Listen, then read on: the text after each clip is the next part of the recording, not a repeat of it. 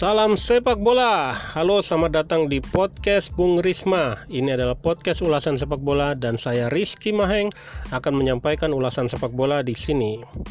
Yap, kontroversi. Hari ini kita akan membahas kontroversi terpilihnya Lionel Messi sebagai pemain terbaik dunia tahun 2019 versi FIFA. Nah, mengapa dikatakan kontroversi?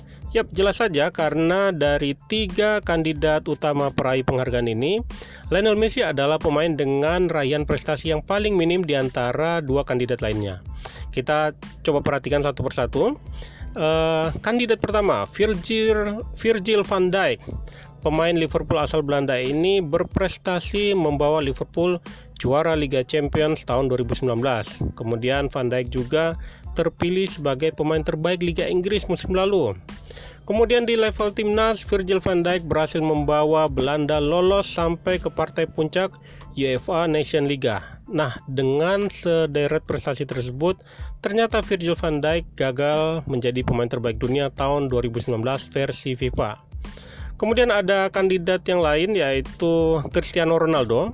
Pemain asal Portugal ini berhasil membawa Juventus juara Serie A Italia dan capaian fenomenalnya adalah di musim pertamanya bermain di kompetisi seketat Liga Italia, Ronaldo berhasil menjadi top skor Juventus.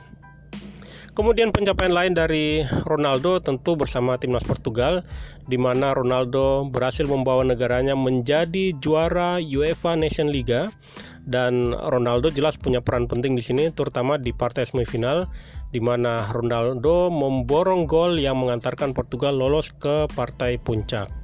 Nah, dengan catatan-catatan prestasi prestasi seperti itu, Ternyata Ronaldo pun gagal meraih uh, penghargaan sebagai pemain terbaik dunia tahun 2019 dan yang memenangkan penghargaan tersebut adalah seorang Lionel Messi yang uh, pada tahun 2019 memiliki prestasi juara Liga Spanyol bersama Barcelona. Yap, hanya itu saja.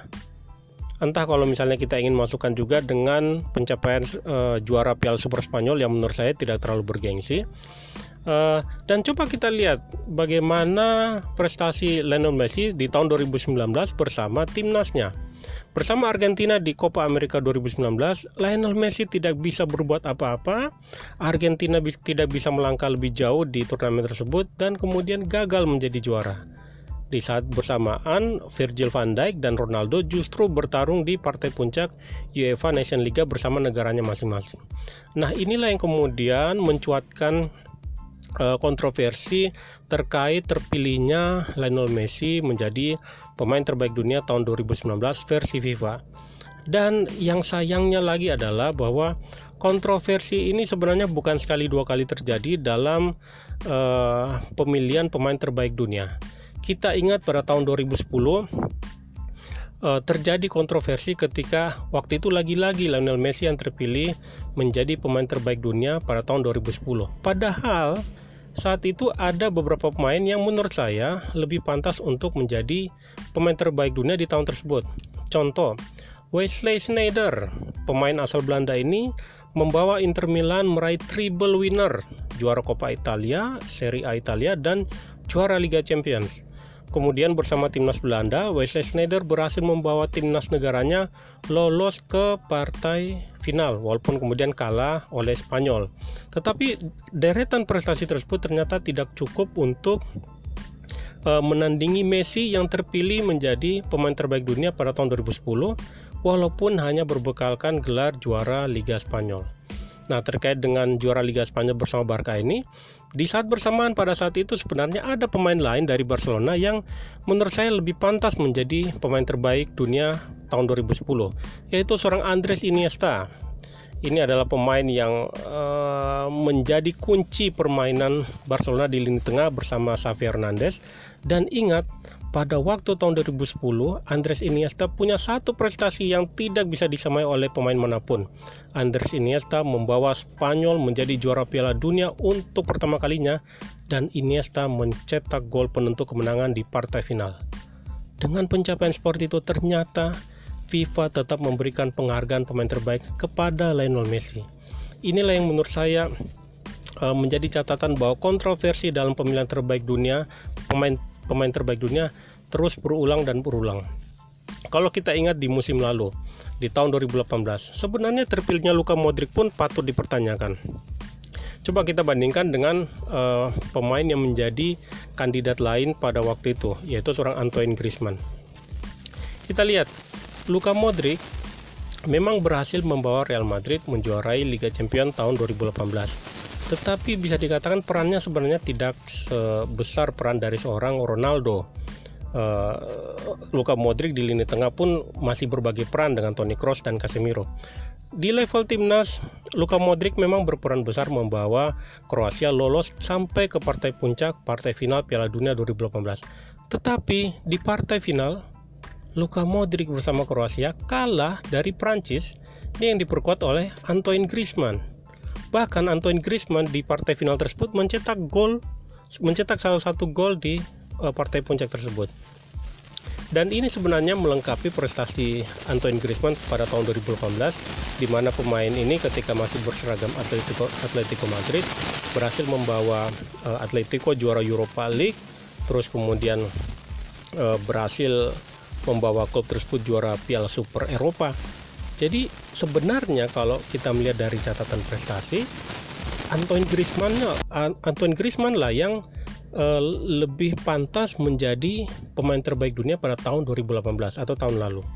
Nah, ini sebenarnya kembali mengingatkan kepada kita bahwa penghargaan pemain terbaik dunia versi versi FIFA tidak selalu menjadi gambaran bahwa uh, inilah uh, apa profil pesepak bola terbaik pada saat ini. Karena kalau kita melihat uh, pada tahun ini ketika Messi terpilih dan itu uh, jelas masih debatable apakah Messi lebih baik daripada Virgil van Dijk dan Cristiano Ronaldo. Secara dari catatan prestasi sepanjang 2012 Messi pun kalah. Bahkan sebenarnya ada pemain-pemain lain yang lebih pantas menjadi pemain terbaik dunia tahun ini. Coba kita sebutkan seperti Sadio Mane, Sadio Mane berhasil berperan besar membawa Liverpool juara Liga Champions. Kemudian bersama timnas e, negaranya Senegal, Sadio Mane berhasil membawa negaranya lolos ke partai final Piala Afrika. Sesuatu yang e, tidak bisa dilakukan Messi bersama timnas negaranya.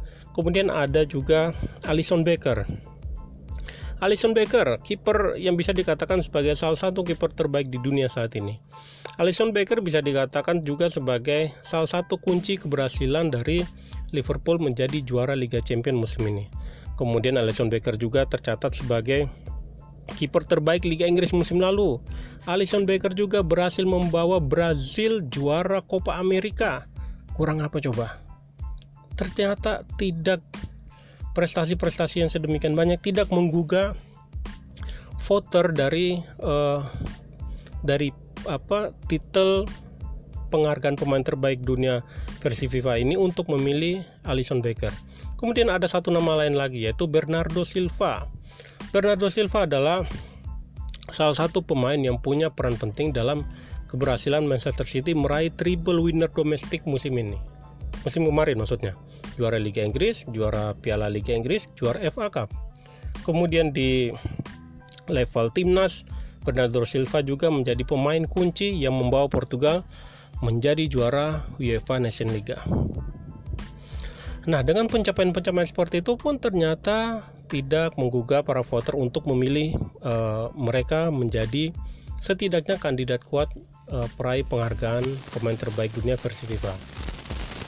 Nah, dengan uh, sederet catatan-catatan ini, kemudian uh, kontroversi-kontroversi yang muncul terkait dengan pemilihan pemain terbaik dunia versi FIFA, saya menilai bahwa uh, badan sepak bola tertinggi dunia tersebut perlu merevisi kembali mekanisme pemilihan pemain terbaik dunia versi FIFA karena kontroversi sudah berkali-kali muncul dan e, rasanya perlu dipertimbangkan satu mekanisme yang lebih mendekatkan pada e, objektivitas, keadilan dan e, e, fair dalam hasil pemilihannya. Sebenarnya pemilihan pemain terbaik dunia ini pemain terbaik dunia ini apakah didasarkan pada kemampuan individu ataukah raihan prestasi jadi rancu sebenarnya ya semoga nanti di tahun 2020 dan tahun-tahun berikutnya pemilihan pemain terbaik dunia bisa lebih uh, objektif dan lebih bisa diterima oleh semua pihak. Baik, uh, demikian untuk ulasan kali ini. Uh, jangan lupa untuk vote, uh, follow podcast Bung Risma. Ikuti juga tulisan-tulisan di pengamatbola.id dan nantikan ulasan-ulasan sepak bola selanjutnya. Salam sepak bola.